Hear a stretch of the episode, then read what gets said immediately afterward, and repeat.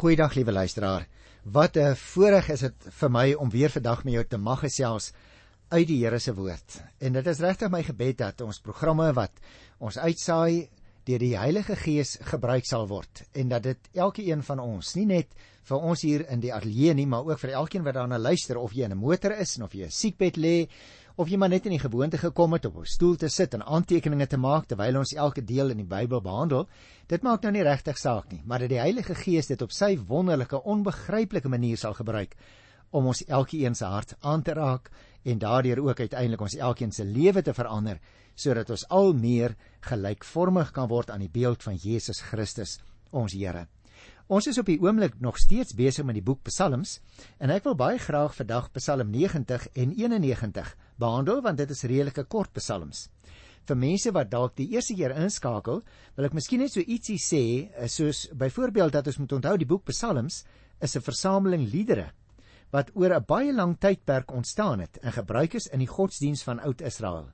Nou is daar natuurlik verskillende soorte liedere, so tussendeur praat ek so 'n bietjie oor hulle, soos byvoorbeeld lofliedere, klaagliedere, dankliedere wat almal 'n goeie beeld gee van die geloofshouding van die volk destyds, sowel natuurlik as van enkelinge. Die boek, het ek nou al van tevore gesê, bestaan elkeen uit 5 verskillende liedversamelings. Psalm 1 tot 41 is boek 1. Psalm 42 tot 72 is boek 2. 73 tot 90 is boek 3. Vandag begin ons dan met die 4de boek en dit loop van Psalm 90 tot 106. Nou die van julle wat gereeld luister sal ook weet dat ek vir julle ook so 'n bietjie breër agtergrond gee oor die psalms. En daarom wil ek so 'n bietjie oor 'n onderwerp praat waar daar heelwat navrae al gekom het terwyl ons besig was met die reeks en as ek net nou in die program nog tyd oor het sal ek nog verder daaroor praat, naamlik Christus in die psalms. Jy sien, liewe luisteraar, wat 'n verskil het Christus dan kom maak aan die lof van God indien die Ou Testamentiese gelowige God alreeds uit volle bors kom toesing het. Die Here het deur sy dood en sy opstanding dit vir ons moontlik gemaak dat God se lofsange nou ook in die poorte van die doodryk, die enigste plek wat vir die lof van God in die Ou Testament gesluit was, kan weer klink. Gaan lees gerus in hierdie verband as jy wil by 1 Korintiërs 15 vers 54 en 55. Ons moet onthou luisteraars, die meeste Christelike kerke het die psalms in hulle liederebundels opgeneem en sing hulle ook gereeld.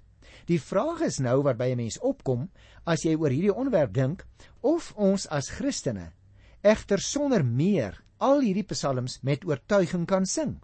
Neem byvoorbeeld die sogenaamde vloekpsalms. Nou ek het al baie kere daaroor gepraat, byvoorbeeld Psalm 35, 69, 109 nog 'n hele paar ander waarin eintlik vreeslike vervloekinge oor die vyand uitgespreek word.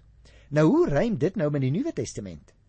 As sleutelvers in die verband wil ek baie graag verwys na Psalm 139 vers 21 wat gewoonlik aangehaal word as daar gepraat word oor hierdie onderwerp Christus in die psalms. Luister 'n bietjie na wat hy teks sê.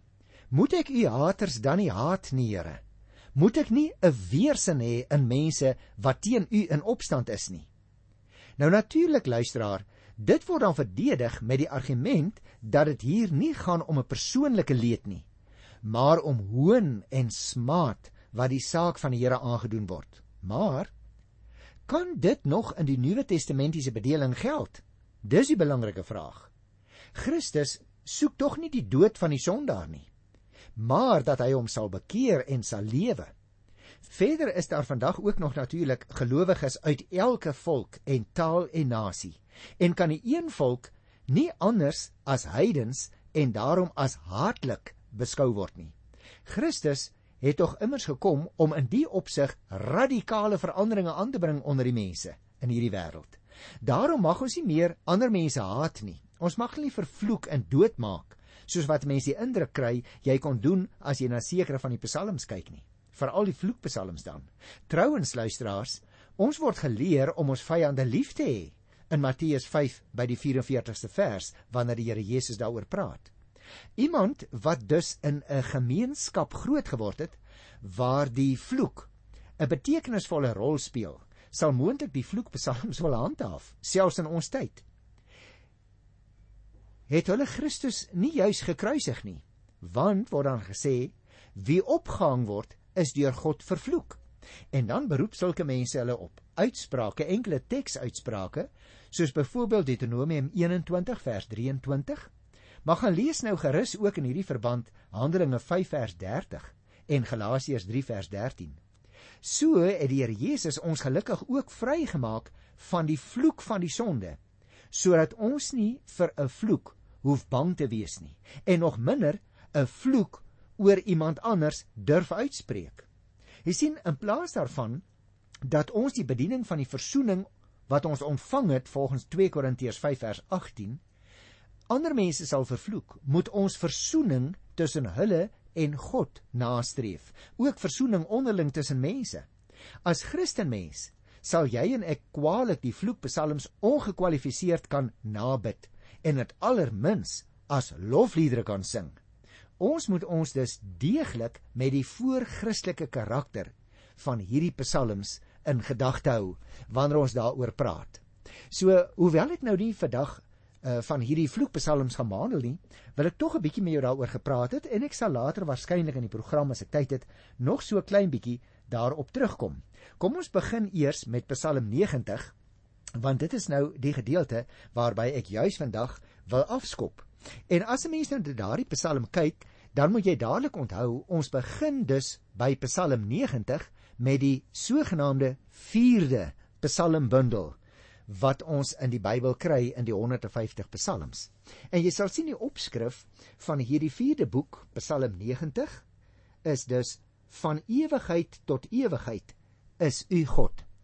Nou hierdie boek, naamlik die 4de Psalmboek, sluit in 'n gebed van Moses. Dit sluit onder andere ook in 'n Psalm oor onderdrukkers en 'n koningspsalm. Daarom lyk dit vir my tog die regte plek dat ek so bietjie met jou praat oor Christus in die psalms want dit kom na vore in die 4de psalmboek. Die bundel help ons ook om ons plek voor God te onthou en dat ons aan die almagtige God onderdanig moet wees. So dit lyk vir my die tema wat baie sterk na vore kom in Psalm 90 is dat elke mense geslag gaan maar verby soos wat die tyd loop, maar God gaan nooit verby nie. Daarom is die opskrif van Psalm 90 ook baie goed geformuleer. Van ewigheid tot ewigheid is U God. Nou liewe luisteraar, kom ons lees die eerste 2 verse en dan gesels ons 'n bietjie met mekaar daaroor. Here, U was vir ons 'n toevlug van geslag tot geslag. Voordat die berge gebore is, voordat U die wêreld voortgebring het, ja, van ewigheid tot ewigheid is U God. Nou, jy merk dus op dat hierdie psalmbundel wat begin by Psalm 90 en dan strek dit by Psalm 106 se einde, begin met 'n psalm van Moses. Want daar in die eerste vers staan: "Dis 'n gebed van Moses, die man van God." Moses was iemand wat natuurlik in 'n baie besondere verhouding met die Here gestaan het. Gaan kyk gerus in Deuteronomium 33 vers 1 of ook 1 Konings 17 vers 18 waar die Bybel die verhouding van Moses met die Here in herinnering roep. Nou die bedoeling met die lofprysing wat ons hier kry is dus om te bely dat elke menslike geslag verbygaan, maar nie God nie. Hy is 'n ewigheidswese. Selfs die berge luisteraars wat vir Moses gelyk het of er maar altyd daar was en daar sal bly. Gaan kyk by Deuteronomium 33 vers 15 dan sal jy dit sien. Ook die vaste berge met hulle goeie fondamente is deur God geskep. So lees ons in vers 2. Hy word nie aan tyd gebind nie en sy bestaan kan ook nie aan tyd gemeet word nie. Want sê die laaste sinnetjie van vers Ja, van ewigheid tot ewigheid is u God. Jy en ek kan dit nie verstaan nie want ons is ook maar tydgebonde, hè. Ons weet nie regtig wat dit is om tydloos te wees nie, om van ewigheid af daar te gewees het. En tot in alle tye sal God ook nog daar wees, want hy's nie aan die tyd gebonde nie. Kom ons kyk na vers 3 tot vers 6 in Psalm 90. U laat die mense sterwe. U sê net word weer stof. 1000 jaar is vir u soos gister as dit verby is, soos een enkele wagbeurt in die nag. U maak 'n einde aan 'n mens. Hy gaan die dood slaap in. Hy soos gras wat in die môre afgesny word. In die môre is dit nog groen, maar dit word afgesny en teen die aand is dit verlep en dit verdroog. Mens dink dadelik aan daardie uitspraak in Psalm 144 vers 3 en ook Psalm 8 wat ons al reeds gedoen het, né, vers 4 en 5, wat ook hierdie gedagte bevat van wat is die mens in vergelyking met die blywende skepingswerk van God? Meer nog, liewe luisteraar, hoe kortstondig is die mens in vergelyking met God se ewigheid tog? Die Here bepaal die lewensduur van elke mens en dit met 'n enkele woord wat hy praat, sê die derde vers selfs 1000 jaar die kerf waarby die mens wat die oudste geword het nie eers kon uitkom nie is vir God niks nie Dieselfde gedagte kruis natuurlik in die Nuwe Testament by 2 Petrus 3 vers 8 Dis soos een enkele wagbeurt van 3 of 4 ure in die nag want die ewigheid dit is nie iets wat God bind nie Jy sien die lengte van 'n mens se lewe word deur God bepaal Dit leer ons ook uit die 5de versie. Mens hoor dit ook in Prediker 12 vers 7. Met ander woorde, die beeld van die gras wat hier gebruik word, illustreer hoe gou ons eintlik verbygaan. Lees maar weer vers 5 en 6 en sal jy dit sien. Hier is dus nie sprake luisteraars van slegs goddeloses wat soos kaf van stoppels weggewaai word nie, maar dit geld van alle mense. Die bedoeling is dus as ons ons leeftyd, al is dit hoe lank, meet aan die ewigheid, dan is dit soos 'n ou stoppeltjie gras en kaf wat deur die wind weggewaai word in die oomblik. En daarom wil ek dadelik kyk wat staan in vers 7 tot 12. Ons vergaan onder u toren. Ons gaan te gronde onder u gramskap. U sien ons oortredinge raak. U bring die sondes wat ons wil wegsteek aan die lig. Onder u toren vlieg ons daan, skiet ons jare verby soos 'n gedagte. is dit nie waar nie, luisteraars? kyk hier van vers 10 af. Ons lewe maar 70 jaar of as ons baie sterk is 80 en die is vol swaar kry en leed. Dit is gou verby. Ons vlieg na ons einde toe. Wie ken die krag van u toren beter as u dienaars? Wie ken u granskap beter? Leer ons ons dae so gebruik dat ons wysheid bekom. Nou ag hier is dit baie baie duidelik wat die psalms wil sê. Die rede vir die kortstondige lewensduur moet by die mens se sondes gesoek word volgens vers 8. Mens kry daardie gedagte natuurlik ook in Genesis 2 by die 17de vers. Die sonde, leer ons hier, wek die toren en die gramskap van God op. Daarom is die mens se lewe vol swaar kry en leed en word hy gestraf vir sy oortredinge. Paulus het dieselfde gedagte in Romeine 6 by die 23ste vers. Niemand kan sy sondes vir God wegsteek nie en so onder die straf van die sonde deur vlieg die mense lewe verby, sê die Psalm. Met ander woorde, teenoor die ewigheid van God is die 70 of 80 jaar wat die mens haal eintlik maar soos 'n enkele sug volgens vers 10. Niemand besef dit beter nie as juis God se dienaars, want hulle het 'n baie duidelike besef vir die mens se sonde. Alleen God kan die mens onderrig sodat hy sy lewe in wysheid kan deurbring volgens vers 12. Kom ons sluit af met vers 13 tot by vers 17 van Psalm 90. Hoe lank nog, Here, voordat U ons te hulp kom? Ontferm U tog oor ons. Skenk ons elke dag U liefde in oorvloed dat ons ons lewens lank mag juig en bly wees. Soveel dae as die waarin U ons verdruk het, soveel jare as die waarin ons swaar gely het, gee ons soveel jare van blydskap. Laat U werk vir ons duidelik word en U grootheid vir ons kinders. Laat ons die goedheid van die Here ons God belewe. Hou die werk van ons hande in stand. Ja, die werk van ons hande. Hou dit in stand. Met ander woorde, liewe luisteraar, die bidder bid in hierdie laaste paar versies van Psalm 90 dus dat die verbondsgod sy gemeente genadig moet wees. Want die straf op die sonde verswaar en dit verkort die mens se lewe. Die gemeente verlang nie na straf nie, maar na God se liefde, soos hy dit in sy verbond beloof het. Na 'n lang tyd van swaar kry, vra die gemeente dus nou dat hulle God se reddingsdade sal sien hier in die 16de vers, sodat hulle as verloste volk hom weer kan loof. Selfs hulle kinders sal dan weet dat God groot is, volgens die laaste deeltjie van vers 16. Hulle sal dit as 'n teken van God se goedheid beskou as hulle werk standhou. Die bedoeling van hierdie gebed luisteraar in die stukkie lofprysing lyk vir my is dus om te bely dat elke mens se geslag verbygaan, maar nie God nie.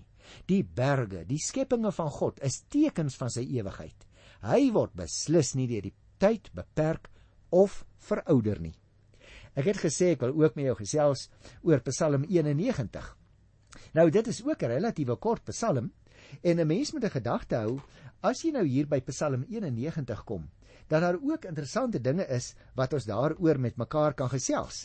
Maar ek wil net enkele fasette daarvan so bietjie vir jou uitlig, liewe luisteraar. Want jy sien, liewe luisteraar, hierdie Psalm 91 het nou weer so bietjie 'n ander atmosfeer as die een wat ons nou net behandel het in Psalm 90.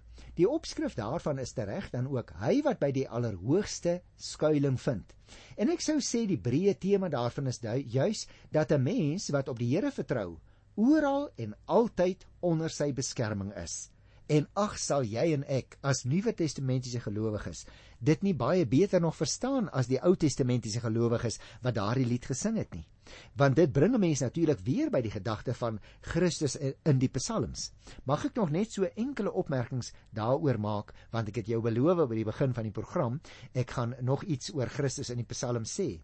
Want liewe luisteraar, party geleerdes in sowel die Joodse as die Christelike geloof aanvaar dat 'n hele klompie van die psalms na die beloofde Messias verwys en nie slegs betrekking het op die gebeure van die tyd waarin hulle geskrywe is nie. Dis interessant, hè? Aangesien die Messias 'n afstammeling van Dawid was, is aanvaar reeds in die Ou Testamentiese periode wat hulle so iemand verwag het, dat 'n hele paar van die sogenaamde koningspsalms op hom, die Messias wat gaan kom, betrekking sou hê. Nou natuurlik, dit is vir die Christen opvallend hoeveel dele van die psalms juis ooreenkomste met die lewe en die dood van die Here Jesus toon. Hy het self ook dikwels uit die psalms aangehaal die meeste van die gebeurtenisse aan die kruis. Dit sluit juis Jesus se woorde in in daardie laaste ure van sy lewe. Meeste van daardie woorde kom juis uit die psalms. Ons kan egter nie uit die psalms direkte voorspellings oor Christus aflees noodwendig nie. Ons moet die psalmbundel as 'n voorchristelike boek lees. En daarom het ek al van tevore ook vir jou gesê, liewe luisteraar, dat 'n mens dus eintlik vanuit die Christelike perspektief terugkyk op die Ou Testament en nou by name omdat ons met die psalms besig is dat jy dus ook uit 'n Nuwe Testamentiese perspektief terugkyk op die psalms en dan eers sien jy hierdie spesifieke opmerkings wat jy soms in die psalms kry as uitsprake wat baie goed ook op die lewe van die Here Jesus Christus van toepassing gemaak kan word. Nou goed, kom ek laat dit dan daar want Psalm 91 geld eintlik en word gewoonlik ingedeel onder die sogenaamde wysheidspsalms. Nou ek het juis by Psalm 1 so bietjie met jou daaroor gesels en daarom gaan ek dit nou nie uh, vandag weer doen nie. Kom ons kyk na die eerste 2 verse by Psalm 91. Hy wat by die allerhoogste skuilings vind in die beskerming van die Almagtige geniet. Hy sê vir die Here: U is my toevlug en my veilige vesting, my God op wie ek vertrou. Jy sien luisteraar, Die tema van hierdie Psalm het ek nou net vir jou gesê en dit staan ook so in die opskrif saamgevat: skuilings by die Allerhoogste en beskerming by die Almagtige. Nou hierdie skuilings en beskerming vind hy dus in die tempel as Ou Testamentiese gelowige. Nie soos ons sou dink nie. Nie in die tempel omdat dit die plek vir skuilings is nie. Maar hierdie man sê vir ons baie duidelik op Psalm 91: Die tempel is goed ja, maar dit kan oral en altyd in elke omstandigheid by die Here skuil. En daarom ek ken nou nie jou persoonlike omstandigheid nie, liewe luisteraar, maar dalk het jy spesifiek nodig om by die Here te skuil vandag. Trek dan Psalm 91 aan soos 'n jas. Sê die woorde vir die Here. Dra dit vir hom voor, want dit is 'n uitstekende Psalm om te sê ek wil by die Here skuil. Dit is natuurlik so dat in baie van die psalms die leser die indruk kry dat diegene wat by die Here skuilings vind in die tempel is. Nou het ek reeds vir jou gesê in hierdie psalm word die uitdrukking egter in 'n ruimer betekenis gebruik, want is duidelik dat die bidder nie in die tempel is eers nie. Kyk maar na vers 7 dan sal jy dit sien. As 'n mens vers 2 lees, dan kom jy agter 'n mens wat by die Here skuil, dit wil sê op hom vertrou word in vers 2 gesê, is oral en altyd onder sy beskerming, ook vir jou wat miskien aan hierdie program luister terwyl jy op 'n siekbed vasgekluister is. Om dus die aksent te laat val op God se beskermingsmag. Dit spreek die bidder vir God aan as die allerhoogste. Ons het dit gekry veral in die eerste deeltjie van vers 1. Hy wat by die allerhoogste skuilings vind en die beskerming van die Almagtige geniet. Die Here word dus sy allerhoogste skuilplek. Kom ons lees nou so 'n bietjie verder vers 3 tot by vers 13. Dit is hy wat jou uit die voëlvanger se wip hou en jou bewaar van dodelike siekte. Hy beskud jou onder sy vleuels en is vir jou 'n veilige skuilplek. Sy trou beskerm jou aan alle kante. Jy hoef nie bang te wees vir gevaar in die nag of vir aanvalle oordag, vir pes wat in die donker toeslaan of vir siekte wat helder oordag verwoesting saai nie. Nee, al val daar duisende langs jou, 10 duisende by jou, vir jou sal niks tref nie. Met jou eie oë sal jy sien hoe die goddeloses gestraf word. Omdat jy die Here as skuilplek geneem het, die Allerhoogste as jou beskermer, sal geen onheil jou tref en geen plaag naby jou woonplek kom nie. Hy sal sy engele opdrag gee om jou te beskerm waar jy ook al gaan. Op hulle hande sal hulle jou dra, sodat jy nie jou voet teen 'n klip stamp nie. Jy sal oor leeu's en adders loop, leeu's en slange sal jy doodtrap. Omdat jy my liefhet, sal ek hom red, sê die Here. Omdat hy my ken, sal ek hom beskerm. Wanneer hy my aanroep, sal ek sy gebed verhoor. In sy nood sal ek by hom wees. Ek sal hom red en hom in sy eer herstel. 'n Baie lang lewe sal ek hom gee en oor my hulp sal hy hom verbly. Jy kom dus agter Liewe luisteraar, die verwysings na die vleuels hoef dus nie te dui op die vleuels van die gerub daar in die tempel op die altaar en spesifiek ook op die verbondsark nie. Die beeld van 'n voël wat sy kleintjies onder sy vlerke beskerm, kon miskien hiertoe aanleiding gegee het. Vleuels het natuurlik ook 'n figuurlike betekenis. Sy trou verwys na die Here se getrouheid aan sy verbondsbeloftes, waarin hy beloof om vir sy volk 'n God te wees en hulle vir altyd te beskerm. Kyk hier pragtige beelde, die voëlvanger se wip, dodelike siekte, pes, aanvalle oor dag, gevare in die nag. Met ander woorde aan watter gevare mens ook al kan dink volgens vers 2 vers 9. Die een wat op die Here vertrou, word deur hom beskerm. Selfs in 'n veldslag waar baie mense sneuwel sê vers 7, beskerm die Here hom, die wat by hom skuil. Die Here gebruik, so sê die 11de vers, selfs sy engele om sy volgelinge te beskerm. Jy skryf dieselfde gedagte in Genesis 24 by die 7de vers.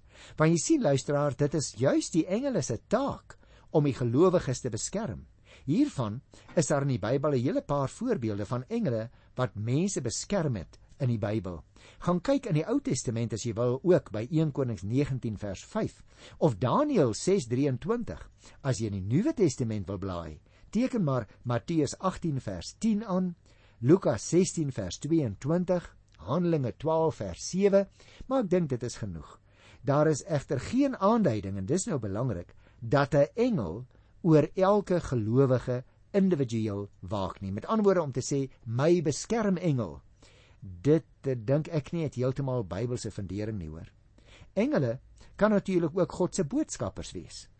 Ons kan engele nie sien nie, hoewel hulle volgens geloof in Bybelse tye al deur mense gesien is gaan kyk maar in Numeri 22 vers 31 in die Ou Testament of in Lukas 2 by die 9de vers. Die punt is, liewe luisteraar, as God sy kinders teen klein gevaartjies beskerm, wat in vers 12 genoem word, hoeveel te meer sal hy dit nie doen as hulle in groot gevaar verkeer nie. Daarom sê vers 13 duidelik: Jy sal oor leeu's en adders loop, leeu's en slange sal jy doodtrap. Die hele bedoeling is jy en ek as Christus gelowiges kan werklik by die liewe Here skuil.